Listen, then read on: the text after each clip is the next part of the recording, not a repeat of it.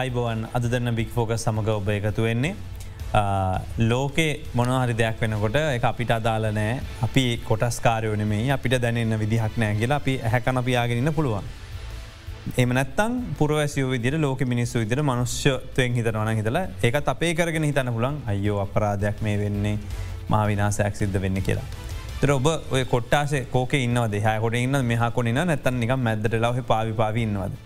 ඉන්නකට මේ ප්‍රශ්නයකත් එක ලෝකට සිදුවන බලපෑම මේ වන විට ඊස්ට්‍රයිලිය සහ පලස්තීනය අතර ඇතිවෙලා තිබෙන ගැටුම් කාරී වාතාවරණය රටවල් දෙක් අතර කියලා හඳුන්න්න සූදානමක් නැහැ නමුත් කෙසිවෙතත් එක රටක බලපෑමකට තවත් රටක් යට වෙච් අවස්ථාවක් කියල කිවත් එක අවුලක් නෑ මොකද මේ වෙලා ඔබ දන්නවා මේ වන විට දෙපාර්ශවයම පලස්තිීන පාර්ශවයන් තීස්ට්‍රයිල් පාර්ශවෙනුත් මිය ගිය සංඛ්‍යාව දොළොස් දහසක් විතර වෙනවා.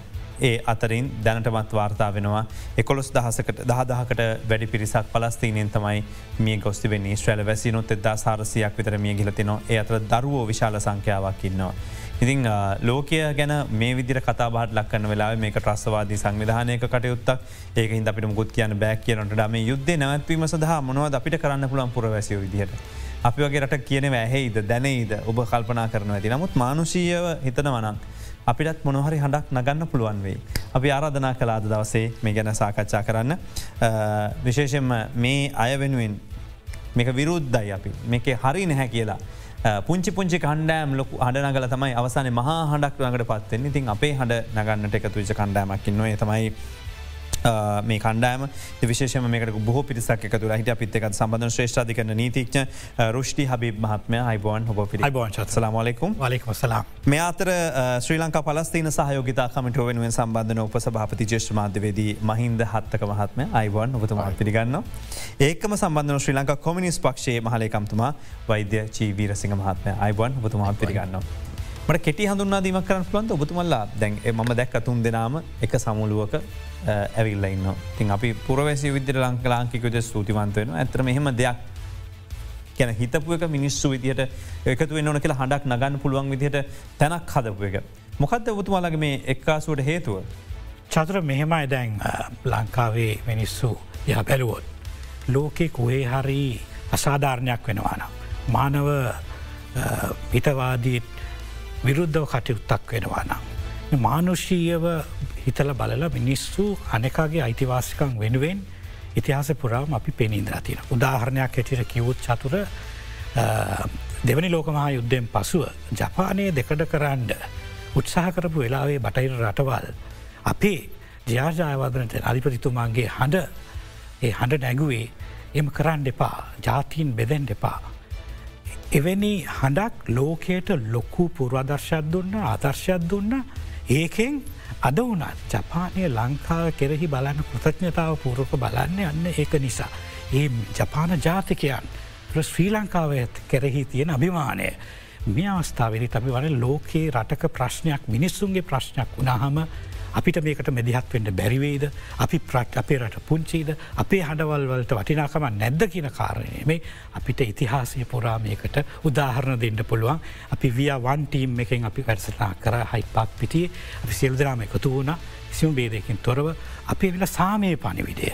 අපි උද්දය අවසන් කරන්න තමයි ඉල්ලන්නේ. පාර්ශවයන් අතර තියෙන ගෙටුම් නිත්‍යානකුල විසිදගන්න පුළුවන් එවට තියෙනවා සම්මත ක්‍රමවේද. අපි සාමාන්‍ය ජනතාව විදියට අයිතිවාසිකං වෙනුවෙන් හැඩ නැගීම තමයි අපිට කරන්න පුළ ඒ අපි කරලා මෙතන ඉදික් කරන්නේ එකම තමයි. මහින්දහත්තක මහත්ම මං ඔබේ පාටකෙක් මහිතන අවුතු විස්සකට වැඩි කාලයක් තිස්සේ. දි ගොඩක් තොරතුරු ලියනවා දක්වනවා මේ රටවල් දෙකක් විදිර මෙතන ඇතිවෙලා තියෙන යුද්ධයක් නෙවෙයි මෙතන තියෙන්නේ. එක රටක් සහ තවත් ට්‍රස්ත කණ්ඩායමක් විදිහරතමයි හඳුන්වන්නේ. ඔබේ කියවීම ඒකට සමපාත කරන්න පුළුවන්ද නැත්තන් ඊට වෙනස්ද. ඇත්තෙම එක රටක් නැහැ. ඇත්තම පරස්තිීන දේශයේ නිත්‍යානගුරු පිළිගත්ත රටක් තවමත් නැහැ. ඒක නිසා මං කැමති මේකේ මේ ඉතිහාසය මේක මේ පලස්තීනයේ අද සිදුවෙන ගැටුම් බ්‍රිතා අධිරාජ්‍යවාදය සහ යටත් විජතවාදයම නටබුන් හැටිය තමයි සලකන්න පුළන්. මොකොද ඒක ඇත්තවම පළුවෙන් ලෝක යුද්ධය දක්වා අතීතය දක්වා විහිදෙනවා. ඒ පටන්ගත් යටත් විචිත කරණය වෙනත් ආකාරයෙන් පවත්වාගෙනයෑමට පැවතිච්ච ඕනකම අද දක්වාම පවතිනවා. ඇත්තෙම මේ සමහරලාට ඉතිහාසදිහා අපහුහැරල බලනකොට මේ අද හමස් සංවිධානයට එරෙහිව ත්‍රස්තවාදී කණ්ඩායමක් හැටියට හමස් නම් කරලා ඒට විරුද්ධ ගෙනියන මිලේච්ච කුරරු තිරිසන් ප්‍රහාරය අලුද්‍යයක් නෙවෙයි පලස්තීන ඉතිහාසේ. මේ වගේම දේවල් වනා හතලි සටේ ඊට පෙර තිස් ගණන්ගොලත් මේ සිද්ධ වුණ. මිනිසා පලස්තියන ජනතාව සම්බන්ධෙන් ඒගොල්ලෝ මේ අත්දැකීම ජීවිතය කීපෝතාවක් දැකලා තියෙන. ඉට පස පලස්තියන පල්ල පලාගෙහෙල්ල සරණාගත කඳවරුවල ඉන්නකොට. බීරුට්නුවර සබ්‍ර සරණගත කදවුරට මේ විදිහටම ප්‍රහාර දැක ළමයි ගෑනුවය ආලෝසෙන් මන නිසා මේ කේවීම මමනත් දකින්න එක්තරා අයුක්ත සහගත අසාධාරණ ක්‍රියාවලයක් තවදුරටත් උච්චන්න උත්සන්න අවස්ථාවකට පත්වය පත්ව කරයි. එතවට මේකෙදී මුලින්ම ආපු ප්‍රහාරය මනත්තන් අපි ගැන හමස් ඔරුන්ගේ ප්‍රහාරය තොට ඔවුන් එල්ලකන ප්‍රහාරයත් එක්ක පිණිසුන් ප්‍රාණපයට ගැනීම ඊට ප්‍රති ප්‍රහාර එල්ල කිරීම. එම සිදුවීම් මාලාව විදිහට මේ ආසන්න සිදුවම් පිළිබඳ ඔබතුමාහෙම විග්‍රහයක් දෙන්න කැමති නෑවතුමා සමස්සයක් විදිර මේ ප්‍රශ් දකින්න. නෑ එතන ඇත්තම එහෙම හුද කලා කරගත්තොත මේ සම්පූර්ණ චිත්‍රය අපිපේයනද කිසිම අවබෝධයක් නෑ. එනිසා අද අපිට ලේසියෙන් නම් කරන්න පුලන් හමස් ත්‍රස්තවාදයෙන් කියලා. නමුත් ත්‍රස්තවාදය පටන්ගත්තය කියලා ඇයිද කියනක අවබෝධ කරගන්න අප ඉතිහාස පොඩ්ඩක් ඔබ ඉඩ දෙනවනම කමති කියන්න. හොද පළමෙන්ම මේ ලෝකයේ යුදෙව් ජාතකෙන්ට අසාධාරණයක් ලෝකෙ විශේෂයෙන්ම යුරෝපයේ රටවල යුදෙව්වන් දෙවන පන්තිය පුරසයෙන් හිට සැලකීමක් තිබුණා. මේක මදවක්ෂ දක් වසයෙන් වෙනස් වනේ ප්‍රංස විප්ලයෙන් පස්සේ ප්‍රන්සේ ඒ තත්ත්වය තිබුණ නමුත් පෝලන්තේ සහ රුසියාවේ. මේ යුදව්වන්ට පීඩනය කිරීම යුදවුවන් හිරියර කිරීම ඔවුන් මිනිසුන් වසෙන් නොග ගණන් නොගැනීම සිද්ධරද. තුන්ගනි ඇලෙක්සන්ඩ සා රජු යුදෙව්වන්ට ඒ ප්‍රදේශයේ රුසියාව එකෙක් ප්‍රදේශවල විතර ජීවත්වෙන ඒවගේම කළහැකි රක්ෂාවල් සීම කළොත්. මේ වගේ අසාධාරණට ලක්වෙච්ච ජනකණ්ඩායමක් තම යුදෙව්වූ. නමුත් මේකෙන් ඇතිවෙච්ච ප්‍රතිඵලය. උන්නේ ඒ නිසාම යුදෙව්වන්ගේ සමහර කොටස් තීන්දු කර අපිට අපේම දේශයක් ඕනකෙන මේ සඳහා උන් මිත්‍යාවනුත් පාච්චි කර විශේෂයෙන්ම පලවෙනි තෙස්තමේදිව සතන් විදියට ඔවුන්ගේ දේශය හැටියට දැක්ක මේ පලස්තිීනය ජෙරුසල් මාසිත ප්‍රදේශේ. එනිසා ඒ පොරොන්දු දේශයට ආපහු යෑම යුදෙව්වන්ගේ පරමාර්ථයක් අරමුණක් කරගත්තා. ඒ අරමුණ අනුව තමයි එකොළු ක්‍රියා කළේ. එස වසැන් විශාල වසැන් පලස්තියන ප්‍රදේශයට යුදෙව්වන් සංක්‍රමණය වනා කැමැත්තෙන්නේ විශ සංවිධානත්මගය කරේ. සයිනස් සංවිධානය සයන් කියන්නේ ජෙරුසලමස්සල කන්දක්. ඒ කන්දාසල තමයි මේගොල්ලො හිතනවා දෙවන් වහන්සේ අවගොලන්ට මේ දේශය යුදව්වට බාරදන්නේ සයිනස් ව්‍යාපාරව. සයිනස් ව්‍යාපාරමස හිතාමතාම පලස්තියන ප්‍රදේශයේ ඉඩම් මිලදී අරගෙන අයගොල යුදව පදිංචි කර. ඒක අසාධාරකම මෙහිම ඉඩ මිලදී ගැනීමට උරුද්ධව අරාභ ජනතාව විරුද්ධ වුණා. ඒ පලස්තේනයෙන් ඉඩක් මිලදිගත ඉඩම්මොල වැඩට අරාභි ජාතික යොදාගන්න එපැයි කළ යුදව තහනමක්. එක පේන මේ වෙනස්කොට සැලකීම. අරාභි ජාතකයන්ට වෙනස්කොට සැලකීම අද ඇති වෙච්ච දෙයක් නෙවෙයි. එක හිකොළු පරම දීර්ඝ කාලයක් තිස්සේ ඇත වුණා. එනිසා මේ ඒක අරාභිජාතයන්ගේ විරෝධය මැඩපවත්තරන්න යුදෙව් සංවිධ විසාරය හගනාත් වගේ සංවිධා ඒව ත්‍රස්ථාව සංසය බෑව ත්‍රත්ව මිනිසු සිය ගණනෙන් බැරුව හැනු මැරුව ගම් පිටෙන් විනාස කර. ඒව ත්‍රස්තවාදී. ඒ ත්‍රස්තවාදී ක්‍රියාදාමයම ගෙහිල්ල තමයි අද මේ තත්වට ඇතිවෙල දෙන්නේ මේක ඇත්තම මඟර කලින්කේ මේක රාජ්‍යයක් නෙව කියන්නේ මේ දැන් බොහෝ අය විශ්වාස කරන්නේ පලස්නේ සහ ඉස්්‍රායලේ බෙදාවෙන් කරන්න එක්සත් ජාතින්ගේ සංවිධානයෙන් යෝජනාංක එකසි අසුව එක ඉදිරිපත්ති කළ. මුත් ඒකට බොහෝ ඉන්ටර්නශනල් ක්‍රමිනල් කෝට් වගේ ජස්ටිස් කෝට of ජස්ටිස් වගේ ඒවැම් පැජන කරන්න එක්සත් ජාතින්ගේ මහාමණ්ඩලට රටවල් බෙදීමේ අයිතියක් නැහැ. ඒකට ඒකට පුළුවන් දේන ජාතයන්ගේ ස්වයන් තීරණ අයිති ලබාදීමිතස සෙෆ් ඩිටර්මිනේෂන් ලබාදීමිතර තියෙන්නේ ස එකසි අසුවක වගේ යෝජනාවගේන්න එක්සත් ජාතීන්ට නීතිමේ බලයක් නැහැ. ඒ නැති තත්ත්වයක් කරතව මේති කරේ. දෙවැනි කාරණය ඒ යෝජනාව වැරදසාගත වුණත් ඒ යෝජනයන් යෝජනා කරේ රටවල් දෙකක්. යුදෙව් රාජ්‍යයක් සහ පලස්තිීන් රාජ්‍ය. යුදෙව් රාජ්‍ය තියෙන පලස්තිීන් රාජ්‍ය අද වෙනකම් නෑ. ඒක තමයි මේ අරගලය මුල. අපි මේ කටයුතුම කොටසක් විදිර ඉස්රට ගයොතින් ද කොමිනිස් පක්ෂය කියන්න ඇතරම ඉතිහාසත් එක්ක බැලුවෙන් පස්සේ විශේෂම ලංකාව තුළ හැමට සමානව සලකන්න උත්සාකර පක්ෂයක් මේ සමාජවාදී කඳවුරු කොමිනිස් කඳවුරු හැදෙන්නේ ආත අතීතය ඉඳලම මේ තේමාවන්න එක්ක. හැබැයි ඔබේ දර්ශනය ගෙනයන්න බැරිවෙන ඔබහෝ සල යුද්ධ කාලුනත් අපි දකිනට පස්ස වනත් ඒ ගෙනියන්න බැරිවෙන ලංකාවගේ සමාජයක්. මේක පැල කරන්න අමාරු වෙනවා මෑත කාලනකට බොහොමයන්. මේකට හේතු මොකක් දෙති හෙම වෙන ලාවක මේ වගේ දෙකට එකතු කරන්න පුළුවන්ද ජනතාව ඔබතුමාගේ වෛදතුමා.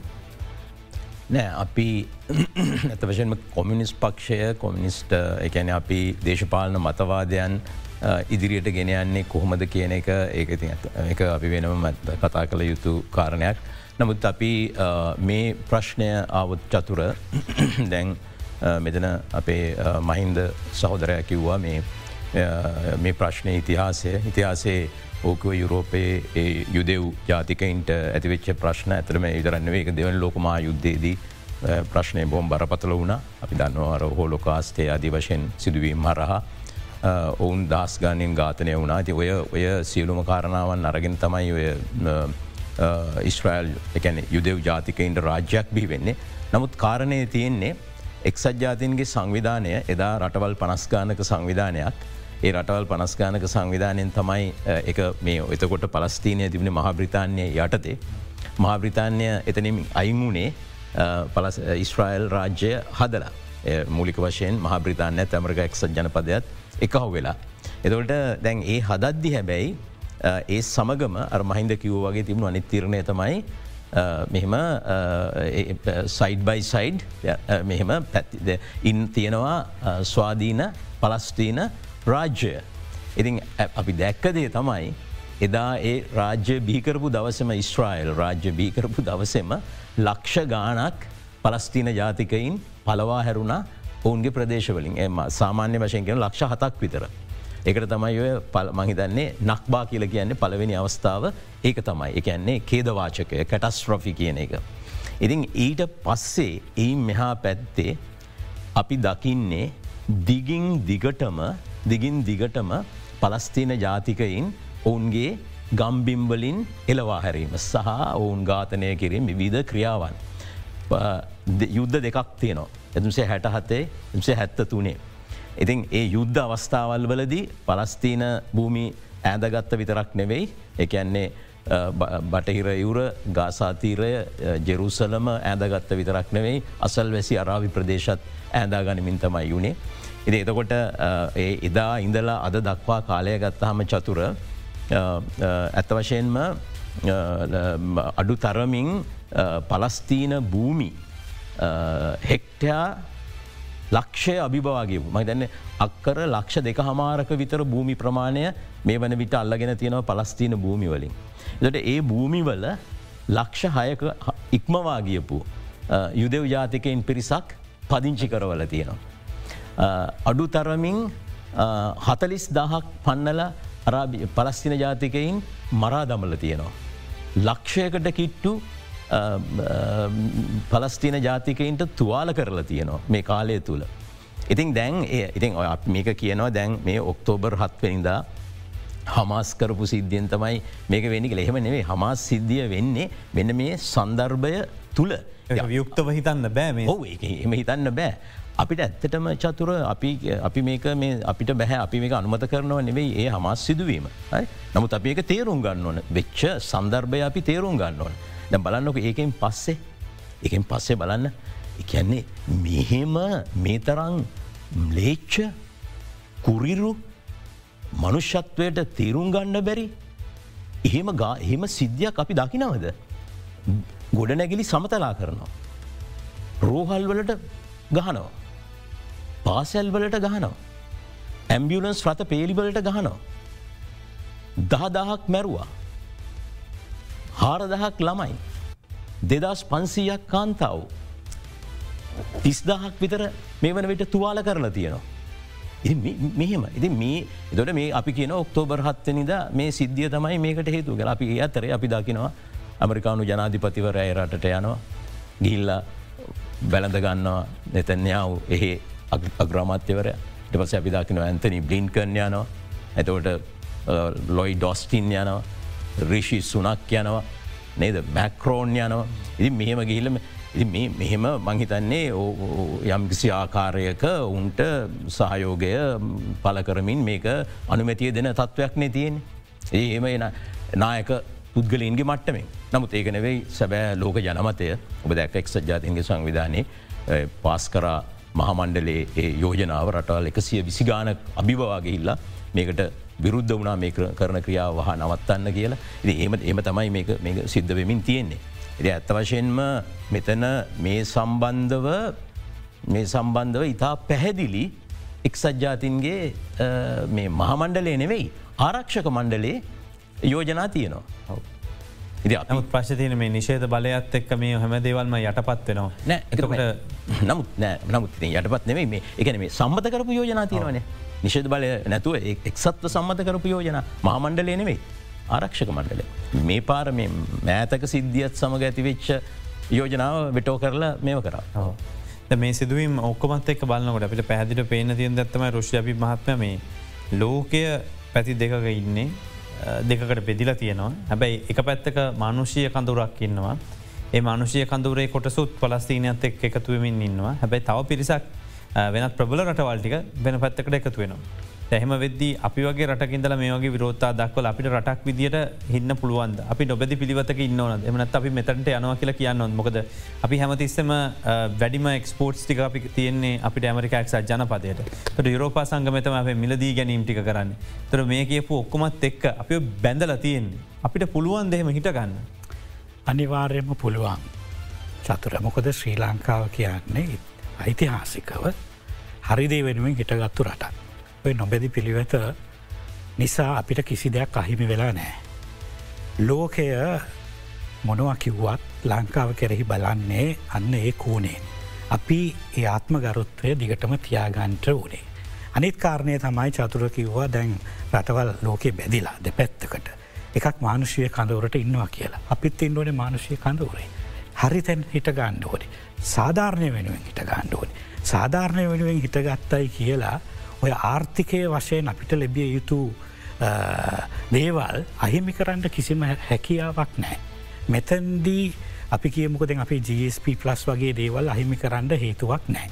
එනිසා අපි ඕවට බයවෙන්ඩ ඕන අනිත් කාරණය තමයි මිලියන ගණන් ශ්‍රී ලංකාවේ විදේශගත ශ්‍රමිකයන් ඉන්නවා සිටිනවා ශ්‍රී ලාංකිකයන් මේ මැද්ද පැරදික රටවල. ඉතිං මම හිතන්න අනිත් එක තමයි ඔය කියන රටවල් කිහිපයක්නේ මේ නිෂේද බලය තියෙන රටවල් කිහිපයක් ඉන්නවා ඔය මේ ආරක්ෂක කවන්සිලේද රටවල් අස්සේ වගේම තමයි බහුතරයක් ඇවිල්ලා එක්සන් ජාතින්ගේ සංගමේ රටවල් ඉන්න පලස්තිීනයේ පැත්ත හේතුව තමයි අතන තියෙන්නේ මොකක්ද සාධාරණ මිනිස්සුන්ට විරුද්ධව කරන අමානුෂක ක්‍රියාවකට විරුද්ධව නැගී සිටීම පෙනී සිටීම. එතකොට මේ රටවල් වල පවා දැන් ඔබ බොතමා දකිින් ඇති මාධ්‍යවේදී කෙටියට චතුර ඇමරිකාවේ කොංග්‍රසය ගිහිල්ලා අල්ලගන්නවා යුදෙව් ජාතිකයෝ ඒ රටේ මේ ඉස්්‍රයිලයට විරුද්ධව ඇමරිකාවේ සහයට විරුද්ධව තම හිටගන්න. බහුතරයක් යුදෙව්ෝ මේකට නෙගී සිටිනවා. විශ්වවිද්‍යාලවල තරුණ ළමයි. ඒ වගේම තමයි අයිතිවාසිකං වෙනුවෙන් පෙනීහිටන ක්‍රියාකාරී මානවවාදීන්. ඒ රටවල් වල එංගලන්තේ ලන්ඩ නුවර දැක්කත් පැරිස් නුවර දැක්කත් වශින්ටනයේ නිවයොක්වල ලක්ෂ ගනම් මිලියන ගනම් මිනිස්සු එකතු වෙලා ඇමරිකාවේ රජයේ ඇමරිකානු ජනාධිපතිවරයාගේ තීරණයට විරුද්ධව නෙගී සිටිනවා. එතකොට රටවල් වල දේශපාලනිකව භූගෝලීයව ආරක්ෂක වැඩ පිළිවෙලා එක්ක ඒගොල්ලන්ට ඩිප්ලමැසි එක්ක තියෙන සමහර තීන්දු තීරණ තියෙනවා. ඒ සමගේ රටවල් හිටකට තියෙනවා. හැබැයි මිනිස්සු හරිදේ දකින මිනිස්සු කොහෙද හිටගත්තේ? ඒගොල්ලම් පාරවල්වල මේ වෙනකොට උද්ඝෝෂණ පවත්වන මේකට විරුද්ධව. ඒ ඒ රටවල්ල නායකයන්ට විරුද්ධව ඒ ප්‍රතිපත්තිවලට විරුද්ධව ඒකෙන් අපිට බලාගන්ට පුළුවන් ජන මතය සහ ජන මතය තියනෙ හරිදිත් එක්ක. ඒ නිසා ලංකාව ආර්ථිකයම වසයෙන් අපිට බලපෑමක් එන්ඩ පුළුවන් අපිට පාඩුවක් වෙන්ඩ පුළුවන් කියලා බයවිය යුතු නෑ. අපි හෙමදාම හිටගෙන තියෙන්නේ විදේශ ප්‍රතිපත්තිය තුළ රටක් හැටියට ශ්‍රී ලංකාව අභිමානයෙන් දැම් එකයි මංකිව්වේ. රටක් දෙකට කිරීමේදී අපේ අපේ ජන නියෝජිතයෙක්ට නැගී හිත්ලක් හඬක් නගලා යම් රටකට සාධාරණයක් ඉෂ්ට කරල දෙන්න පුළුවන්නම් ඒකෙන් ඇතිවන ආර්ථික ප්‍රතිලාභය සහ මානුෂීයව හරිතන හිටගන්න එකෙන් අපිට ස්වභාවික යුක්ති මූල ධර්මයෙන් අපිට ලබාගතැකි දේවල් බොහෝ දේවල් තියෙනවා. ඒ නිසා මං කියන්නේ මේ බලවත් රටවල් ඉස්්‍රයිලයට සපෝට් කරනවා කියලා හරි ඒ රටවල් වලින් ආර්ථිකමට සම්බාධක ලංකාවට පැනවීමට හැකියාවත් තියෙනවයි කියලා අපි කටවල් වාගෙන හිටිය යුතු නැහැ. රජයක් වසයෙන් අපේ ප්‍රතිපත්තිය පැහැදිලි. දීර්ඝ කාලීනව රටේ ප්‍රතිපත්තිය තිබෙන පලස්තීනයට වෙනුවෙන් ගෙනන සියලූම රෙසලූෂන්ස් වලට අපි සහය දක්වල තියෙනවා. මේ සෙරෙක්ට එහෙමයි. ඒක වෙනස් වෙන්නේ නැහැ. ඒක ඒක අපේ ඊවන් ඉන්දියාව පවා. ඒකෙදී එප්ස්ටේන් වුනා ඉතිං ඒක ඒ ඇවිල්ල ඒ ජනමතයට ඒ ජනනායකයන් ඉඩදිය යුතුයි. සර්ව සාධාරනත්තේ මානුෂ්‍යත්වය වෙනුවේ මේ මේ අපි ඩොක්ට විරසිංහ කිව්වාගේ මෙතර තියෙනවා ඉන්හිවමන් දෙයක්. අනිත් කාරණය තමයි චතුර තැන් ජාත්‍යන්තර නීතිය තුළ තියෙනවා මානුෂ්‍යවාදී නීතිය හිමනිටේරියන් ලෝ. එතකොට මේ යුද්ධ කරන්න නීතියක් තියෙනවා. හැබැයි සම්මත පිළිවෙතත් තියෙනවා යුද්ධ කර. සමූල ඝාතන කරන්න බෑ රසායන කවිවායුධ කරන්න බෑ. ඉතින් ආක්‍රමණ කරන්න බෑ. දරුවන්ට ඒවගේම ගැහැනුවායට මෙහෙම යුද්ධයේ සහභාගි නොවන්නන්ට හානි කරන්න බෑ. එතකොට මෙතනද ඔය සියලුම ජාත්‍යන්තර නීති උල්ලංඝනය කරලා තමයි මේ ඉස්ත්‍රේලේ විසින් මේ කටයුත්ත කරලා තියෙන. අපි හමාසකෙන් කර මේතකදි කරපු දේවල් අපි අනුමත කරන්න. හැබැයි මේ සන්දර්භය තුළ සමස්තයක් හැටියට අපි බලනකොට මේකදි සිද්ධ වෙලා තියෙන හමාස්සක පවා එකටත් ඉතිහාසයක් තියෙන කෞද මේ හමස් ගෙනාව කියන කාරණය. එසේවේතක් ජනතාවගේ නියෝජතයන් හැටියට හමස් පසුගිය දසකය තුළ කටයුතු කරලා තියෙන චන්දවලින් ඒ අයව තේරීපත් වෙලා තියෙන. බැ මෙතන තියෙන ගට්ටනය තමයි චතුර ඉස්්‍රායිලේ රජය ඩොක්ට විරසිංහ කිව්ව වගේ රාජ්‍යයන් පිළිගැනීමට ලක්වෙන්නේ තවත් රාජ්‍යන්ගේ පිළිගැනීම මත. එතකොට බැලූ බැල්මට පලස්තීනයට මේ යුවන් එක තුළ බහුතර අති බහුතර විශේෂ බහුතර පිළිගැනීමත් තියෙන පැලස්තිීනයට. හැබැයි ඒ පිළිගැනීමට බාධකයක් වෙලා තියෙනෙම ආරක්ෂය කවන්සිල් එන්න මේ රටවල් පහ. මේ ස්තිර රටවල් පහ ඔය නිශේද බලය ඔබතුමා කිව් ආකාරය. එක සාධාරණද. එතකොට මේ ගෝලීය දේශපාලනය සහ නීතිය තුළ ජාත්‍යන්තර නීතිය තුළ අසාධාරණව කටයුතු කරන තැන්තින මේක එක තැනක් මේවා වෙනස් විය යුතුයි. ඒවා වෙනස් කරන්න අපිට පුළුවන් හඬක් එක් කරන්න. අපි විරාමිකට ගිහින් ඇවිත් මේ සාකාශ විදිරයට යමු මේ අද දෙන්න වික් ෆෝකස්.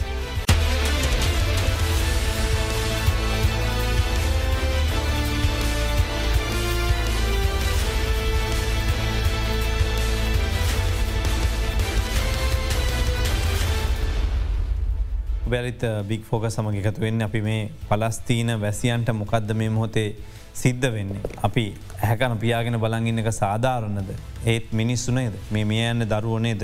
මේ ලෝකයේ අපේම රටේ තවත් කොටසක් මේ යන වගේ හිතාගෙන හිතන්න බැරියි ඇයි ලෝකෙම තනියායක් විද දකින්න බැරි. මෙතන තමයි ප්‍රශ්තියෙන් ඉතින් කෙසේ වෙදත් මහින්ද හත්තක මහත්මය මාධවේදයෙක් විදිහට ඔබතුමාගේ මේ ප්‍රශ්යම කරන්නේ. ඇතකොට දැන් ඇමරිකානු ජනාධිපතිවරය ඉස්ට්‍රයිලට එනවා. තොට මහබ්‍රතාන්‍ය අග්‍රාමාත්‍යවරය එනවා. ප්‍රංශයක මැත්තුමා එනවා. ගත්තම ලෝක ප්‍රබල නායකයෝ ප්‍රබල රාජනායක ඔක්කොම ඇවිල්ලිවර වෙලා අපි ඔගොලොත්තක ඉන්නවගෙන පනිවිඩේ ලෝකට දෙනවා. මොකක්ද මේ තියෙන ඓතිහාසික බැඳියාව? මේ අයට ඉස්ට්‍රයිල වැසියන් යුදෙවන් සමඟ ඕනුත් ඒ පරම්පරාවල කොටස්කරුවද නැත කොහොම දෙහෙම වෙන්නේ. ඇත්තම ඒක පුදුමයට කාරණන්න නෙවේ චතුරම්කොද මේ පලස්තීන දේශයේ යුදෙව් රාජ්‍ය පිහිටුවට මුල පෙරුවේ බ්‍රිතාන්ය.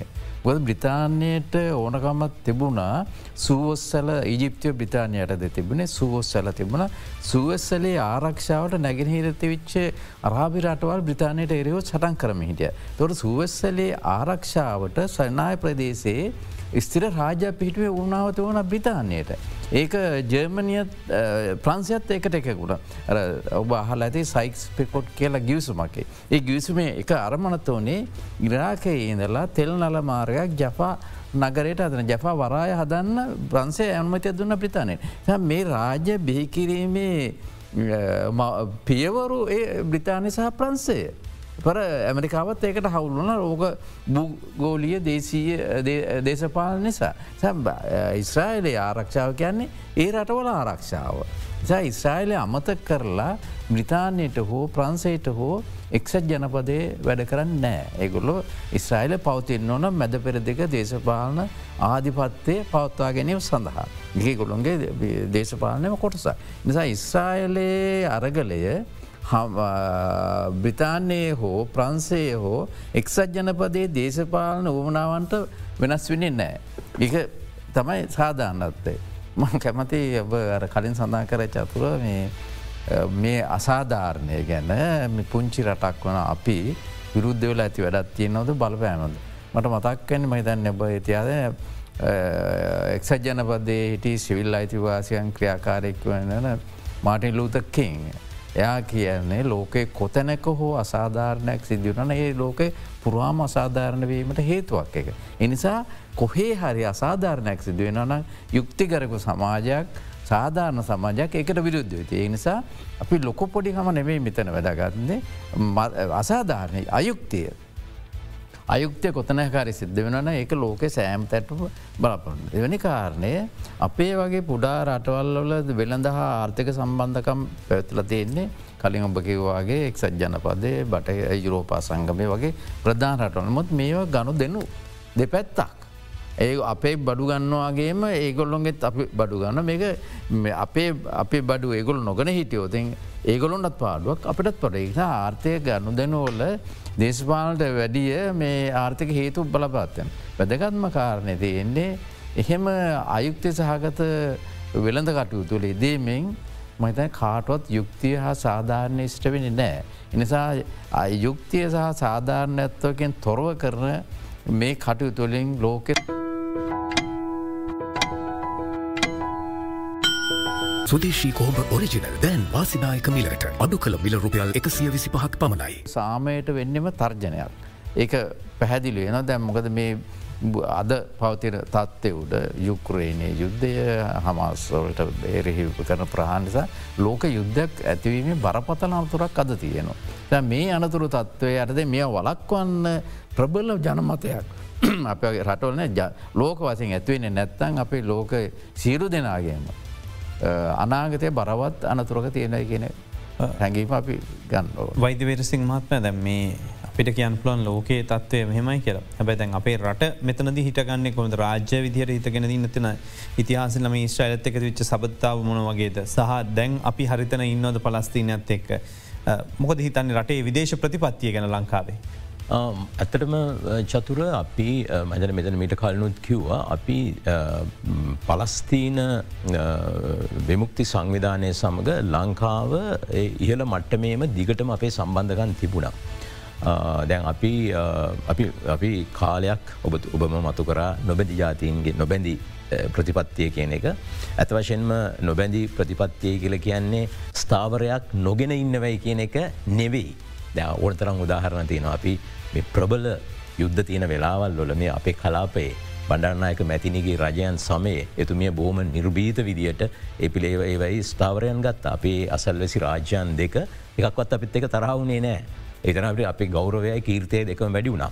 එතකොට දැ මේ ප්‍රශ්නය ගත්තත් චතුර අපි දිගින් දිගටම ඔය එක්සජාතින්ගේ සංවිධානයේ විවිධ ඒ අවස්ථාවන් වල අපි ශ්‍රී ලංකා රජය සෑමවිටම පලස්තිනය සමඟ ඉඳගෙන මෙවට මේකැන්නේ චන්දේදිල ඒ ආදි වශයෙන් ක්‍රියා කරලා තියෙන. ඇතැම් විට ඇතැම් කෙනෙක් යම් ප්‍රකාශයක් කරවුනත් රජයක් හැටියට යම්කි ස්ථාවරයක් අරගෙන ක්‍රියා කරන්නවට බොහෝ විට බොහෝ විට අපි ක්‍රියා කරලා තියෙන්නේ ඒ පලස්තිීන පලස්තිීන ඇත්වශ පලස්තින යුක් සංධානය සමඟ අපි දිගින් දිගටම පෙනීදල තියෙනවා පලස්තිීන පලස්තිීනයට එක්සජාතින්ගේ සංවිධානය අනුමත කරලා තියෙන ඒ යෝජනා මත එකන ආරක්ෂක මණ්ඩලයෙන් සම්මත කරලා තියෙන යෝජනා අනුව ස්වාධීන පලස්තිීන රාජ්‍යයක් එකන්නේ එදස් නමසය හැට හතේ දේශසීම හැටහතේ ජූනිමාසය හතරවෙනිද එදා තිබිච්ච දේශසීමා ඇතුළේ ස්වාධීන පලස්තින රාජ්‍යයක් බිහිවෙන්න ඕන නැගෙනහිර ජෙරුසලම අගනුවර කරගත්තු. සහ රටින් පලවා හරනු ලැබතියෙන සරණාගතයින්ට නැවතත් තමන්ගේ මවබිම් කරා එන්නට ඉඩ ලැබෙන් ඕන එකෙන මෙන මේ යෝජනා මත හිඳමින් තමයි අපි දිගින් දිගටම අපේ රට ක්‍රියා කරලා තියෙන්නේ. දිගින් දිගනද මේ අවස්ථාව දනත් ඔබ දන්නවා දැනර ඇත් වශයෙන්ම ඔය හමස් සිදුවීම සිද්ධ වෙච් හැටිය එක හෙලා දැකළ යම් අංශවෙතින් ප්‍රකාශනය ගුත්තුනත් පසුව වහම ඔබ දැක්කා. ජනාධිපත්තුමා පවා එක ප්‍රශ්න කරා. මේ මේ ලංකාවට යෝය ඉදිරිපත් කරන ලංකාව පිළිබඳ ඉදිරිපත් කරන අදහස් නීතිරීති මේවා ගාසාතීරයට බලංගුවෙන් ඇදි කලෙන ජනාධිපත්තුමාගේ මට්ට මෙම එකමට පේනවා අපි ඇත්වශයෙන්ම අපි ඒ ඒ ස්ථාවරයන් වල දිගින් දිගටම ඉන්නවයි ඉන්නවයි කියන එක. එක හොඳ ලක්ෂණය මම මම කල්පනා කරනවා චතුර ඇත්තවශයෙන්ම හරි. එහම නැතු වෙන විදින්න අපි මේ අපි අපේ අපේ මේ ජීවිත කාලේ මේ සමකාලීන ලෝකයේ අපි දකින මෙහෙම අසාධාරණයක් තවත් නෑ. අපිට මුහත් කරන්න දෙකොත් නැති වෙලාන්න ඇතවශන අපි නෑ. අපි දැන් මේ කරන දෙවල් අපි කරන දෙවල් තමයි. දැන් උදාහරනයක් විදිර ද අපි හයිට පාක් පිට්ටන අපි ඔක්කෝම මේ රටේ දේශපාලන පක්ෂ එක වෙලා එක හඬක් නැගවා. ඔප ඔක්කොම කිව යුද්ධ නවත්තන්න කියලා. අපි ඔක්කොම කිව පලස්සීනට රජය රාජ්‍ය දෙන්න කියලා පලස්තිීන රාජ්‍ය පිටවන්න කියලා ඉතාමත් මොහොඳයි මගෙන ඒක තමයි ඇති කරන්න ඕන මතය ඉදි ඒ රැස්වීම් පිළිබඳ ලෝකය පුරා ප්‍රෘතින් ගිය. තොට එහෙම තමයි මේ ජනමතයන් සකස් වෙන්නේ. දැන් අපි මේ සාකච්ඡාවේ තව කොටසකට එන්න බලාපොරොත්තු වෙනවා බයිටිස්සල අපි යලෙත් විරාමකට යොමලා නම අද දෙරන බික් ෆෝකස්.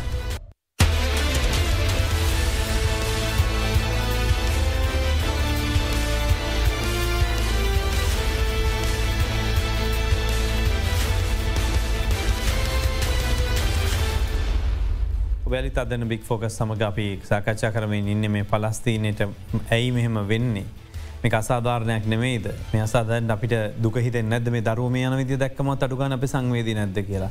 දේවෙනුවෙන් පෙරගෙස් කණ්ඩායමක්කින්න දේශපාලන පක්ෂ බෝමයකිකතුනා එක මතයක් වෙනුවෙන් ඒ මේ යුද්ධ නවත්තන්න කියනක සාමය රතවන්න කියෙන කාරණය වෙන අවසන්ට අදහස් දැක්වේ කොමිනිස් පක්ෂනායක පෛතය ජීවීර සිංහ මහත්මය මං ඔබතුමාට මේ ප්‍රශ්න ආපහු පාරක් යොමුක නොබතුම නවත්තපුතෙන්ට.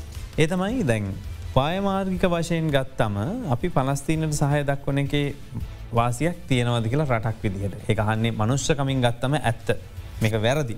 ඇබැයි ඉස්ට්‍රයිලි විශාල පිරිසක් සේවය කරමින් ඉන්නවා ශ්‍රී ලාංකිකයෝ. තවදුරට සත්කාරක සේවා සඳහා යවන්න බලාපොරොත්තුවත් තියෙනවා.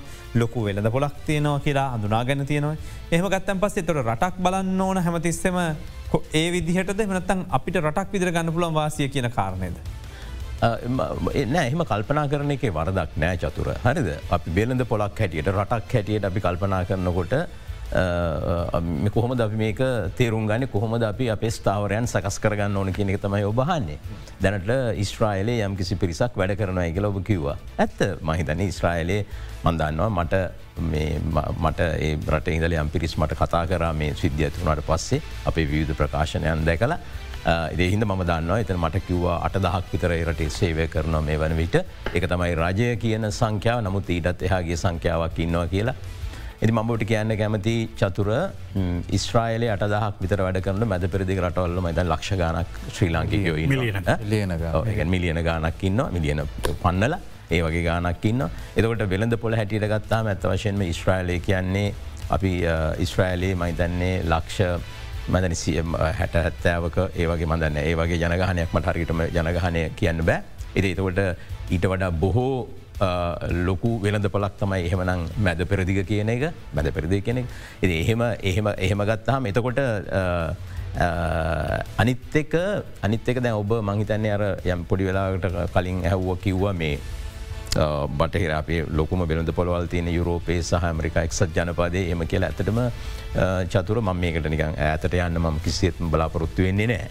නමුත් නමුත් අපි පිළිගන්නට ඕන අද ලෝකය වෙනස්වමින් යනවයි කියන එක අද ලෝකය වෙනස් වෙලා ඒ බව ඇමරිකා එක්සත් ජනපදේ ජනාධිපතිවරය රාජ්‍යලේකම්වර ඒ අයම කිව්වා මේ පරණ ලෝකරටාව අවසානයි කියලා අලුත් ලෝකයක් ඉපදමින් තිබෙනවා කියල ඉප ඇත්වශන ඉපදිලා තියෙන්නේ මේ අලුත් ලෝකය තියෙන්නේ ඉප දෙන්නේ ආසියාවේ. අවුරුදු පන්සියකට පස්සේ මේ දේවල් මේ ආසියාව සිද්ධවෙමින් තියෙන්නේ. එති ඒක හින්දා එහෙමම අපිට හිතන්ඩ ඕන ඕන නැහැ මම හිතන්නේ. Uh, අපිට මේ uh, ලෝක ලොකුම වෙනද පොලතින් ඇත්වශය මාසියාවෙන චීනයනේ. ලෝක ලොකුම මධ්‍යම පන්තිය තියෙන රට තියෙන්නේ ආසියාවනි චීනයනේ. එ අපිට අපිට අපේ ඒ ඒ වෙල්ලඳ ආර්ථික සම්බන්ධකං uh, මේ නැවත ස්ථානගත කර ගත යුතුව තියෙනව අපි මේක තිබුණත් නැතත් ඇත් වශයෙන්ම.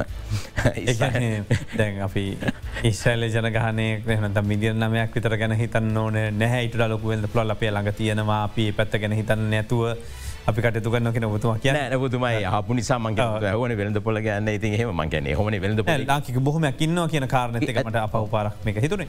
නමුත් දැන් මේක තව කොටසක්. තොර මහින්දහත්තක මහත්මයා හැබැයි දැන් අපි එහෙම හිතුවට දැන් මේකේ මේ පුංචි ළමයි මේ යාම සම්බන්ධයෙන් ලෝකෙම සංවේදී වෙනවා. ලෝකෙ ප්‍රවෘත්ති වාර්තා කරණය ගත්තත් වෙනදට කතා කරන ප්‍රවෘත්ති වාර්තා කරණයන් නෙමෙයි තියෙන්නේ. වෙනදා බටහිර මාධ්‍ය ලංකාවේ බෝම්භ පුරකොටක මන්න පැදිනම යුද්ධරත් විරුද්ධ හම යුද්ධකනම නමුත් හිටපු තැන නෙමෙයි ඒ මාධ්‍ය ඉන්නෙත්. තොර ලෝකෙ පැහැදිලිවම මාධ්‍යවල හැසිරීම කියන එකන්නේ මුහුණත සහ යටි හැසිරීම කියන කාරණය එලියට අප අවස්ථාව ඔබත් ඔබේ මාධ්‍යවේදයකද ජෙස්ට මාධ්‍යවේදයකද මේ ගැන කිවීමොකක්ද.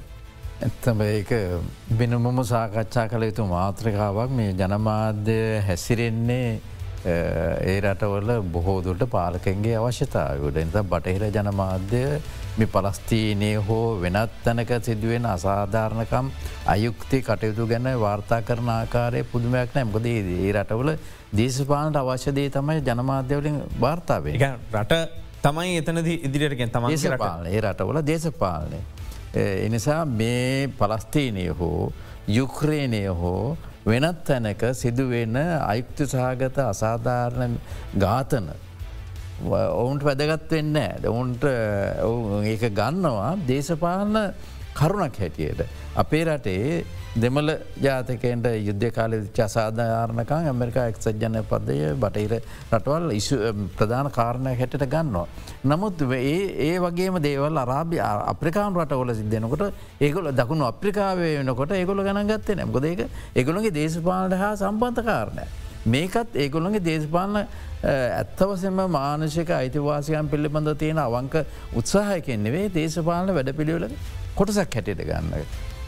අනිත්කාරණය චතුරම මතක් කරන කැවති මේ ඉස්්‍රායිලය ගැන තියෙන අපේ මිත්‍යා විශ්වාසයක්. ඉස්්‍රායිලය බලවත් ආර්ථිකත් තියෙන් රටක් නෙවෙයි. සම්පූර්ණය මැරිකාරු ආධාරමද. ඩොලර් බිලියන හයක් හතක් සෑම වසරකටම ඉස්්‍රයිලට ඇමරිකාව දෙන ලෝකයේ වැඩියම ආධාර ලබන රට ඉස්රායිලේ. මේ ආධාර නැවතු නොතෙන් ඉස්රයිලර් පවිතිමක් නෑ. නමුත් අනෙත් පැත්තට අනෙත් අරාබි රටවල් තෙල් නිපද ඒකුල්ල නිෂ්පාදන කර්මාතය යෙදී තියන රටවල එවල ආර්ථික සක්තිමත් බලවත් ඒක දෙයක් නිපදවනු. ඒරටවල තියෙන ආර්ථික සක්තියත් බලන්නකොට ඉස්රායිලය සක්තිය තියෙන්නේ මවාපාපු දෙයක්. එනිසා ඒ රටවල අපේ රැකයා සඳහායට රැකය අවස්ථා ඉස්තර අවස්ථාවක් නෙවෙයි ඒක. ඊට වැඩි ප්‍රබල අවස්ථා තියන්නේ මේ මැද පෙරති අනිත් රටවල එක දැනටමත් තියනවා. අපේ ලක්ෂ ගානක් සමට මිලියනයට ආසාන සංඛ්‍යාව ලාංකිකයෝ ඒ රට වැඩගන්න. පුද්ගලිව මහිතන්න රටක් කවදක්වත් මේ විදේශී රටෝල්ගේල වැඩකිල්ලා අපේ රට දියුණුවේ කියලා දේ දකුණු කොරියාවගෙරට කලින් අරාබිරට ගේල වැඩක අද කොරයා කවරුවක් අරබිරටොල්ට යන්න බුද ඒ රටේ ආර්ථිකය සංවර්ධයන වෙලා තියෙනවා ඒ රැකේ අවස්ථා රටවල තියෙන. නිසා අපේ අරමණ වියත්තේ අපේ ආර්ථිකය දියුණු කර ගැනීම නිසා. මේ අපේ මිනිස වහල් වෙලදාමට පිටටෝල්ට ඇවීම නෙවේ. මගේ අවසාන සාකච්ඡාව අවසන් ප්‍රවේශටාවත් තොට රුෂ්්‍යවී මහත්මයා ශ්‍රී ලාංකික මුස්ලිම් ජනතාව කියන්නේ මේ රටේම සබ්බැත්තේ කොටස්කරුව. කාලයක් තිස්සේ මේ රටේ ජීවත් වෙච්ච සහෝදර පිරිසා. තුර දැම් ප්‍රශ්න තියන්නේ දැන් මේ ඊස්ට්‍රයිලට ගහන එක පලස්තිීනය ඊස්ට්‍රයිල ඇතිට ගැටුමත් එක්ක. තුර මෙහ ඉන්න මුස්ලිම් ජනතාවට රිදෙනවා කියනක තමයි බැලු බැල්මට පේන දැබ මුස්ලිම් ජනතාවට තරන්නම සිංහල ජනතාවට ඔක්කොටමත් රිදෙනවා පුංචි ළමයි හින්දා.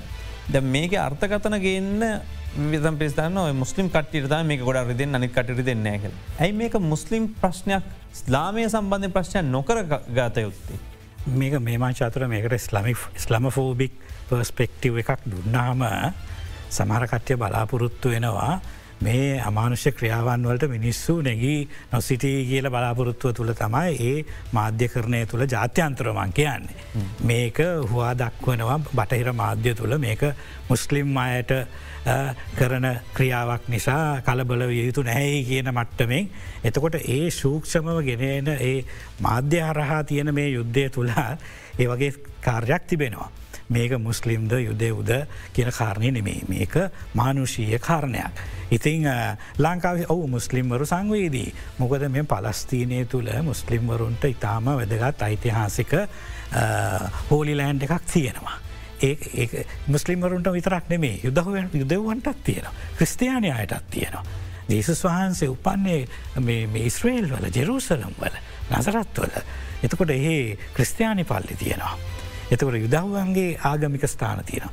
ඊටන් අවුරුදු පන්දහකට ආසන්න දේවදූතවරුන්ගේ උපන් ස්ථාන තියනවා මෙතන මේක සියලු දෙනාටම වැදගත්. එතකොට මේක එහෙම මුස්ලිම් ප්‍රශ්නයක් කියලා යොමු කරලා ඉස්සර කරා වගේ මේක දැන් කරන්න බෑ හේතුව දැ මාධ්‍ය විවෘර්ත වෙලා තියෙනවා සමාජ්‍ය මාධ්‍ය තුළ ඔය සිදුවන සියලු දේවල් දැ මිනිස්සු බලනවා. එතකොට දැන් සාම්ප්‍රදායික මාධ්‍ය පවා දැන් විවෘත්ත වෙනවා ටිකින් ටික අර ඉස්සර නොදක්වපු ඒ පැතිත් දැම් පෙන්නෙනවා. හේතු ඇවිල්ලා සමාජ මාධ්‍ය තුළ මෙවා මතුවෙන නිසා. ඒ වගේම තමයි ඉස්සර වගේම මිනිස්සු දැන් කියවනවා මේ හොයල බලනවා. එතකොට මිනිස්සු බලනවා මේක යුක්තිය කොයි හොයි පැත්තද තියෙන්නේ කියලා. ඒ තුළ මං හිතන්නේ මේක මුස්ලිම් ප්‍රශ්නයක් කියලා කොටු කරලා අර යම් ඉස්ලම ෆෝබික් කර ජාතිවාදී විදිහට මේක නරබන්්ඩ දීලා මේකට මේ පලස්තිීන ප්‍රශ්නයට අපි සහයෝගේ දෙන්න නැහැයි කියන ඒ ආකල්ප දැන් වෙනස් වෙලා තියෙනවා චතුර. එම බලන එක වැරදි සම්ප්‍රදායිකව යම් අන්‍ය භාවිතය තුළ ඒව තිබුණ දැන් එහෙම නෙමෙයි. දැන් ඔබතුමා වන්නත් මෙම ප්‍රධාන මාධ්‍ය ජාලාවක් ලංකාව තුළ සියරුම ජන කොටස් ඒගොල්ලන්ගේ ආකල්ප සහඒගොල්ලන්ගේ මතිපතාන්තර ස්ථාවරයන් කියන්නට. දැන් හයිට පාක් පිටිය ව්‍යාවන්ටීම් එක ඒ රැස්වීම තුළ සියලුම ජනනායකයන් හිටිය සිල්ම දේශපාල් පක්ෂ හිටිය සිල්ම කඳවරු එතන හිටිය. මහින්ද මාත්‍ය කිව්වාගේ දැන් වගේ ඩොක්ට විරසිංහ කිව්වා ජනාධිපතිදල විපක්ෂනායකද හිටපු ජනාධිපතිවරුන් නිදලා වමේ නායකව සියලු දෙනා සියල දෙනා කියෙන මේක වැරදිී කියල. වැරදිදේට වැරදිී කියන්න කවුරුත් ජාතිය හෝ ආගම බලලා කියන්න අවශ්‍යතාවයක් නෑ. හැබැයි එහෙම නැරම් නැඹුරු කරලා බලන තත්ත්වත් තිබනව වෙනස් වෙලා තියෙනවා චතුර නිසා මංහිතන්නේ මානුෂීය දේකට අපි සියලු දෙනාම නැගි සිටියතුයි කියලා. යර කතාවට කියන්න ඇත්ත කියන්න බිමයිද කන්න ඇයි බය වෙන්න කෙලතින් මේකේ මේකට එක විදිහට මුහුණුවර දෙනවට වඩා මේ කොහේ හෝ මනුෂ්‍ය කාතනයක් සිදු වෙන්නේ. මේ විශ්වේ මනුස්සෙක් මේ යන්නේ. වගේ පුංචි දරුවෙක් මේ යන්න. ඒ දරුව මොකක්ද දැනගෙන තින හය හතර දන්නේ නෑ තාම. ලෝකෙ දැකලනෑ මේ යුද්ධ දැකලනෑ මේ ආයුද්ධ දැකලනෑ නමුත්තේ දරුව මේ යන විදිහට ඔබ සංවේදී නැත්නම්. ඔබ හිතනවනම් මේකත් හවලාගේ ප්‍රශ්නයක් අරයගේ ප්‍රශ්නයක් මෙයාගේ ප්‍රශ්නයක් කියලා මේක එතන තමයි අවුල් කරගන්නතැන අපි ඊට සංවේදී ජාතියක් විදිර මංහිතන්නේ අපි ඔක්කොම එක තුළ රටක් විදිහට මේ වෙනුවෙන් පෙළ ගැසෙන්ට ඉතින් පුංචි පුංචි ක්‍රියාකාරකම්වල ප්‍රතිඵලේ තමයි ලොකු විශාල හඬක් වඩ පත්වෙලා ලෝක වෙනස් මාවතකට දුවන්නේ. ඉතිං සමහර වෙලාවට තනියෙන් කතා කරනකොට ඒක තනි පුද්ගලයකුණාට දෙන්නෙක් තුන්දනෙක් හතර පස්සනෙක් එකතු වෙනකොට අන්ඩායම කණ්ඩායම් කණ්ඩායම් එකතුනයන් පස්සේ සමාජයක් විදිර මේක වෙනස් කරන්න පුළුවන්. අපිත් එකතුන අද ශ්‍රේෂධිකන නීතික්ෂ ෘෂ්ටි හවිමාත්ය බොහම ස්තුති ඒවගේ එකතුන අපිත් ශ්‍රී ලංක පලස්තින සහයෝගතා කමට උපසභාවතුමා ජේෂ්ට මාධ්‍යවේදී මහින්ද හත්තක මහත්ම බොහම ස්තුතියබට ශ්‍රී ලංකා කොමිනිස් පක්ෂේ මහලේකමතුමා එකතුනා වෛද්‍ය ජී පිරසිංහ මහත්මය. බොහම ස්තුතියබටත් අපි මේ වැඩසටහන අවසන් කරනවා. අතරතුර මං හිතන්න ඔබටත් පුළුවන් ඔබේ මුහුණු පොතේ ඔබ හඬක් නගන්න විරෝධතාපාන්න ඔබටත් මේ වෙනුවෙන් සංවේදී පුද්දලෙක් කියල කියන්න. තින් මේ තොරතුරු බෙදාහදාගන්න ඒකත් එක් තමයි මේ තල්ලුව ලෝකට දෙන්න පුළුවන්. අපි වැඩසට නවසන් කරන මේ අදරන බික් ෆෝකස්.